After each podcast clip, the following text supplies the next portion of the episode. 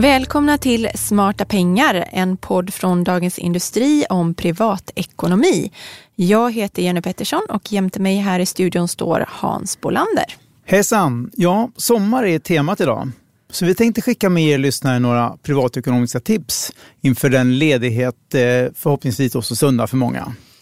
Ja, först av allt, det går ju inte att hoppa över fotbolls-VM. Vi är ungefär eh, halvvägs in i turneringen nu ju, Hans. Ja, det är superkul och det finns ju många som har sett fram emot många år inför, inför fotbolls-VM. Men då kan ju också ibland kanske budgeten spricka på, mm, till exempel månadsbudgeten med krogbesök om man gillar fotboll på krogen kan ju lätt dra iväg. Ja, jag gjorde en liten snabbräkning bara. Säg att man ser tre matcher i veckan ute på krogen, dricker några öl varje gång, kanske äter någonting eh, åtminstone någon gång i veckan. På en månad så är man ju lätt uppe i då en nota på mellan 3 och 4 tusen kronor och det, det är kanske trist att spräcka sommarens budget så tidigt. Eller vad säger du? Har du några tips Hans? Ja, ett tips är att se en hel del matcher hemma. Men ta med, ring kompisar, släkt och vänner. Jag snackade just med en kollega på jobbet. Sexåringen hade börjat bli intresserad av fotboll, var väldigt intresserad nu. Och eh, det blir en rolig familjehappening. Och så gör man det hemma och så turas man om kanske och har lite knytkalas så blir det väsentligt billigare och lika roligt. Det finns en del kommuner som också visar mycket i parker och så. Så att det kan man gå ut och ha den här kollektiva euforin och titta på fotboll tillsammans men i en park och ha med sig picknick. Ja, för det är ju ganska kul just med den här grupp-euforin som kan bli. Ja, verkligen. Mitt intresse brukar stiga faktiskt efter gruppspelsmatcherna men jag, jag, tycker också att det är väldigt kul att gå ut uh, på krogen och kolla. Men uh, jag satsar i alla fall inga pengar på matcherna. Det är ju många som tycker att det gör, ger liksom lite extra krydda och tycker det är en kul grej att göra. Men jag avhåller mig från det. När man pratar om spel Hans, hur, hur ser oddsen egentligen ut för att vinna på spel? Ja, alltså, de är ju inte så himla goda. Eh, även om kanske chansen att vinna om du spelar på fotbollsmatcher är lite större än att få högsta rätt på Lotto. Högsta rätt på Lotto det är kanske en chans på en halv miljon om du satsar ett antal rader. I sportspel överhuvudtaget brukar man säga att 60-70% av insatserna går tillbaka till spelarna. Men eh, jag skulle nog säga att eh, det, det, bästa sättet att vinna på spel är att köpa aktier i spelbolag om man nu tycker att det är korrekt att göra det. Men eh, varför inte göra som många gör, att man, man med kompisgäng eller så satsar själva, satsar någon hundring eller två så går man ihop och så blir det en, en bra pott som någon på slutet av VM får. Du kommer garanterat vara intresserad varenda match och ändå så hägrar det en eh, vinst där. Vad tycker du Jenny, att, eh, vad, vad är alternativet till att spela? Jag tycker att man ska tänka på vad de där pengarna kunde eh, bli istället. Säg att, säg att du spelar för 50 kronor i veckan. Om du istället sätter in de pengarna i en aktiefond, eh, om man då räknar kanske med 7 procents eh, avkastning per år, det är helt, helt rimligt eh, historiskt sett, då har de faktiskt växt till drygt 30 000 kronor efter tio år. Och det är då efter skatt och med den här ränta på ränta effekten som blir. Eh, de som spelar lite mer, säg för kanske 100 kronor i veckan och sparar dem istället, då kommer ju de ha 60, lite drygt 62 000 efter 10 år och så, och så fortsätter det sådär. Det, det, är, alltså, det är ju en fantastisk avkastning. Jag skulle nog kunna kora det här till eh, årets bästa privatekonomiska tips hittills i alla fall. Ja, månadssparande det är ju en vinnare i längden. Och visst, man går ju då miste om det här spänningsmomentet som det kan vara att spela på Lotto eller andra typer av spel, men och man går ju också miste om chansen att vinna då, men eh, som du just sa, i ärlighetens namn, hur många vinner? Då har jag ju hellre 30 eller 60 000 om 10 år, eh, nästan garanterat då. Absolut.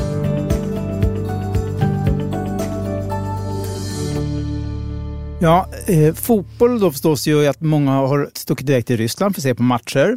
Och många andra är nu på väg på semester utomlands och inomlands. Ja, och därför tänkte vi prata lite om vad som gäller om man får problem i samband med sin resa. Det kan ju vara flyg som ställs in eller blir försenade. Eller så har man bokat ett fyrstjärnigt hotell med tre pooler och kommer fram till ett halvfärdigt komplex med en torrlagd grop. Och det är ju inte särskilt kul. Det hände ju här vid fotbolls-VM. Det var ju jag tror 150 västsvenskar som inställde resa till Sveriges första match till exempel. Jag tänkte man har laddat och laddat och laddat och så blir det sånt antiklimax. Det är ja. ju så fruktansvärt. Eh, och det kanske inte är en jättestor tröst i sammanhanget att man då kan få ersättning, men det kan man ju. Och det finns ju flera delar i det här. Om det blir en försening så har man ju rätt att få pengar till mat och dryck och kanske övernattning på hotell om det krävs det till och med. Men sen har man ju också då rätt till eh, ekonomisk ersättning enligt en schablon och också för konkreta kostnader om man, om man kanske missar ett, en anslutande resa, man ska vidare med tåg eller buss eller någonting sånt där. Gäller det här alla flyg då? Ja, det här med schablonen eh, gäller ju inte alla flyg. Det är faktiskt en EU-regel där du kan få upp till 600 euro i kontantersättning. Men då kräver det att flyget det ska gå från en flygplats inom EU eller att resan sker med ett flygbolag som har sin hemvist i EU. Så det är klart att flyger du då kanske då med ett, säg att du flyger med ett amerikanskt flygbolag och så blir du försenad både på resan från Sverige och sen hemresan ja, då kan du få ersättning för resan från Sverige för då befinner du dig inom EU. Men kanske inte då för hemresan för då gäller inte de här EU-reglerna.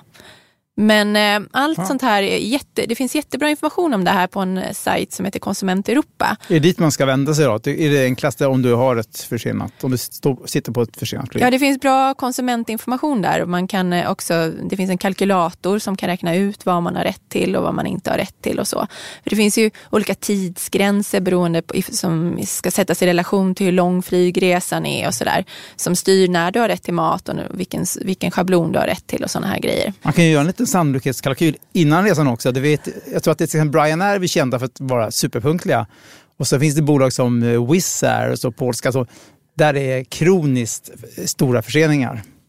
Men inte Ryanair alltid tid bara för att de lägger på så mycket flygtid så att eh, deras eh, flyg till London tar betydligt längre tid än SAS flyg till London. På pappret blir de ju väldigt sällan försenade då. Nej, nej det, så är det säkert. Det finns alltid en baksida. Det finns alltid en baksida. Nej, men sen eh, är det ju det här med paketresor, då, då gäller ju lite andra regler för det. Men en grundregel är ju att man ska klaga direkt.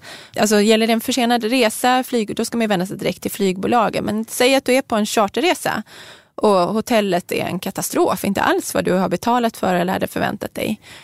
Då måste du ta upp det med personal på plats.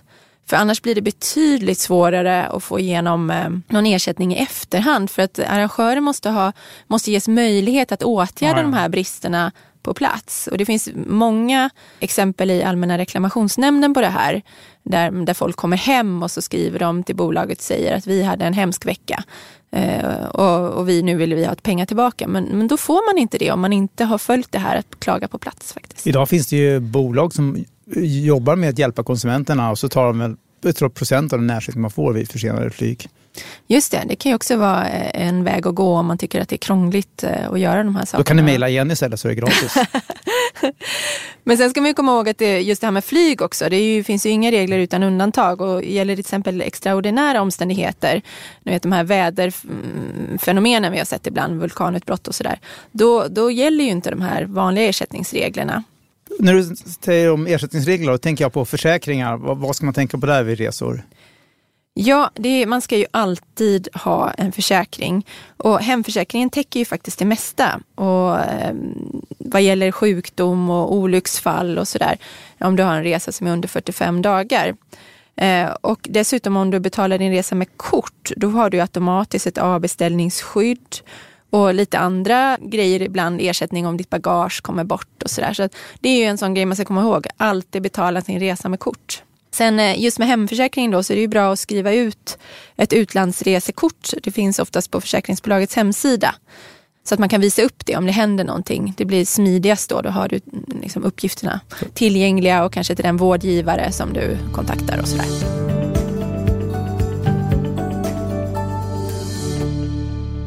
Vi tänkte prata lite kort här om valuta inför semestern. Vi har gjort det, men bara lite kort här att valutan spelar in när vi väljer resmål, även om många säger att det inte betyder jättemycket. Men jag har svårt att tro att Thailand skulle bli så populärt om det inte vore så att det var både sol och bad samt billigt och trevligt.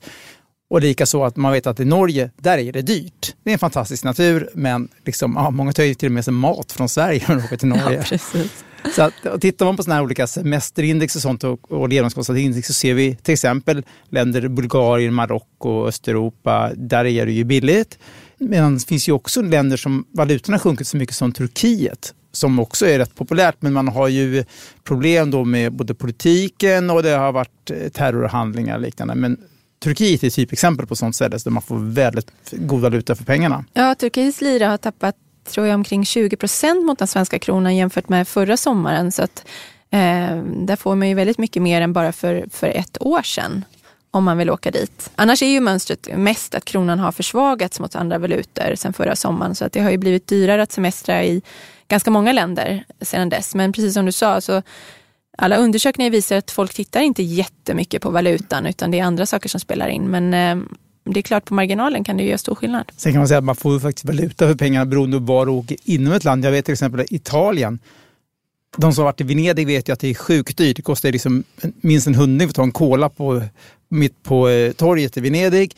Medan åker du ut på italienska landsbygden eller mindre orter så får du för 10 euro en fantastisk lunchmeny inklusive vin och vatten. Så att eh, man kan eh, få väldigt prisvärda upplevelser i de flesta länder skulle jag vilja säga. Ja, kanske får man göra någon slags kombination av, av dem på många ställen. Ja, exakt. Men du, vi har ju pratat om valutaväxling eh, i eh, ett tidigare poddavsnitt men, och vi behöver inte gå igenom detaljen igen. Men Hans, ändå, vad är huvudprincipen där? Jag tycker huvudprincipen är att växla så mycket möjligt på plats. Använd kort utomlands, det går ju nästan överallt. Och i den mån du behöver kontanter så ta ut i automater eh, på orten och välj lokal valuta när du betalar. Man får man frågan. Det var en läsare som kontaktade oss efter vi hade poddat förut som sa att se upp för automater som inte är anknutna till banker för där kan det vara väldigt mycket sämre valutakurser. Så det är ett bra tips. Titta på att det ser ut att vara liksom lokala banker och inte något växlingsföretag som står bakom automaterna. Ja, just det, det är bra. Och sen det här med att alltid betala i lokal valuta när man får den frågan. Det är också en sån här stand ja, standardgrej. Ja. Men vi som sysslar med privatekonomi, vi pratar ju ofta om att man ska vara otrogen mot sin bank. Att man behöver inte ha allt hos en aktör. Man kan ha sitt lönekonto på ett ställe och sparande på ett annat ställe. Och just när man reser så finns det ju stora fördelar med att ha kort från fler än en bank. För det händer ju då och då att bankerna, internetbankerna drabbas av tekniska problem. Det går helt plötsligt inte att logga in. Och då kan man ju stå där eh, helt strandad och inte komma åt pengar på flera timmar, kanske i något jättekritiskt läge. Men har man då kort från två olika banker så minskar ju sannolikheten att båda de ska få problem samtidigt. Och särskilt kanske om säg att ett kort är ett Visakort och det andra är ett Mastercard. Då har man ju ytterligare garderat sig för att inte hamna i en sån situation. Vad säger du Exakt. om det Hans? Exakt. Jag har verkligen resonerat så under alla år. Jag har rest två kort med mig. Och Sen på senare år har jag också börjat tänka på att inte ha för mycket pengar på kortet om man skulle bli av med det. Om en ficktjuv tar det och försöker använda det. Att man flyttar över en del av pengarna som är knutet just till det kontot. Så att du kanske bara har ja, vad du vill ha, 10 000 eller 15 000 och sådär. Så kan man gradvis flytta över. Idag finns internetkopplingar överallt. Så att det, det, tror jag också kan vara en liten extra säkerhetsgrej som är lätt att göra. Den tekniska utvecklingen har ju förenklat väldigt mycket med pengar på resan. Jag tänker på när jag började resa på egen hand och man gick och växlade in resecheckar för så här 20 000 om man skulle vara borta i några veckor och gick med dem i någon säkerhetsficka runt magen och sådana där grejer.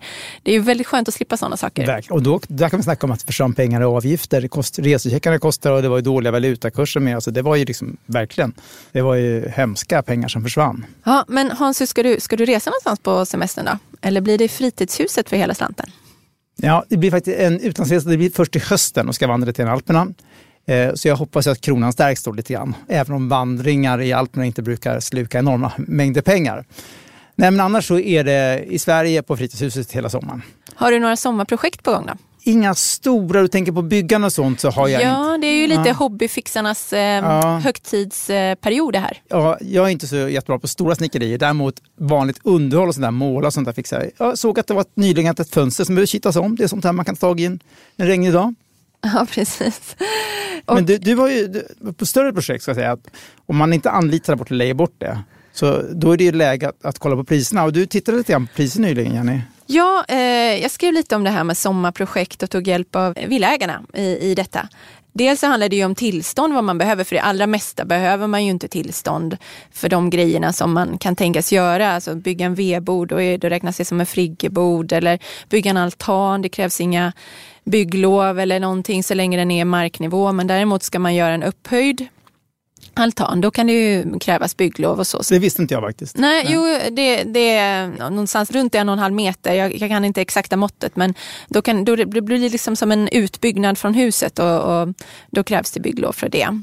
Eh, och sen handlar det också om hur nära man får vara grannen och sådana där grejer. Är den i mark, marknivå, då kan du bygga ända till tomtgränsen, men är den upphöjd så måste du förhålla dig till de här eh, reglerna med 4,5 meter från eh, granntomten och sånt där. Så dels handlar det om sådana grejer man måste ha koll på, men också då det här med pengar. Det är, det är svårt att räkna på de där sakerna, för det är klart att det beror så mycket på. Och det, det beror på, rätt mycket på vad du har för verktyg, vad ett projekt slutar med. För har du allting du behöver, då du bara behöver köpa virke kanske till den där altanen, då kan du komma rätt billigt undan. Men om du inte har då rätt grejer, då kan ju det helt plötsligt lägga på dubbla kostnader om du ska köpa sågar och allt vad det kan vara. Men å andra Eller så sidan, lånar man av en snäll man granne. Man av en snäll granne kan man göra, men å andra sidan kan det ju fortfarande bli väldigt mycket billigare än att anlita en hantverkare. Så det där är ju en avvägning man måste göra. Men jag kollar lite på det här med trall. De billigaste då, tryckimpregnerade trallen, ja, men 150 kronor per kvadrat, liksom mellan tummen och mm. pekfingret. Men går du upp då och vill ha ett lite mer exklusivt träslag, då hamnar du kanske på 300 lite drygt per kvadratmeter. Och om man inte har tänkt igenom det där på förhand och kanske gjort en kalkyl så är det ju lätt att det liksom springer iväg kostnadsmässigt. Ja, absolut. Jag brukar alltid, inför man gör så här just veranda och sånt klart man kollar runt på olika byggmarknader och och var du köper virket billigast. Och det gäller ju verktyg och så också. Men ja, sen får man ju kanske ta hjälp av någon och bedöma kvalitet, för man vill inte välja för klent virke heller. Nej, men det man ska komma ihåg också med verktyg är att du behöver inte köpa det allra proffsigaste om du ska göra någon grej då och då. Det är ju, det är ju inte hantverkare man är trots allt. Så där man behöver inte gå på, man behöver inte gå all in. Nej, nej det är en bra idé. Eh, en grej som är populärt att bygga nu det är utekök. Det har ju varit en sån trend i några år. Och den kan ju ha väldigt olika nivåer med allt från bara en enkel grill och någon rostfri bänk som man har köpt på någon bygghandel, alltså på, på hjul, till väldigt avancerade inbyggda inbyggda grejer och, och där kan man också se upp för om man vill ha tak över då kan det också krävas bygglov för då räknas det också som en form av tillbyggnad eller utbyggnad eller man ska säga. Så man tänker på att det blir ytterligare krångel om du drar ut vatten och så, att eh, ja, stänga av inför vintern och sånt där så du inte har eh, några rör som sprängs sönder av isen. Nej, just det. Så läs på det är alltid ett bra tips. Bra.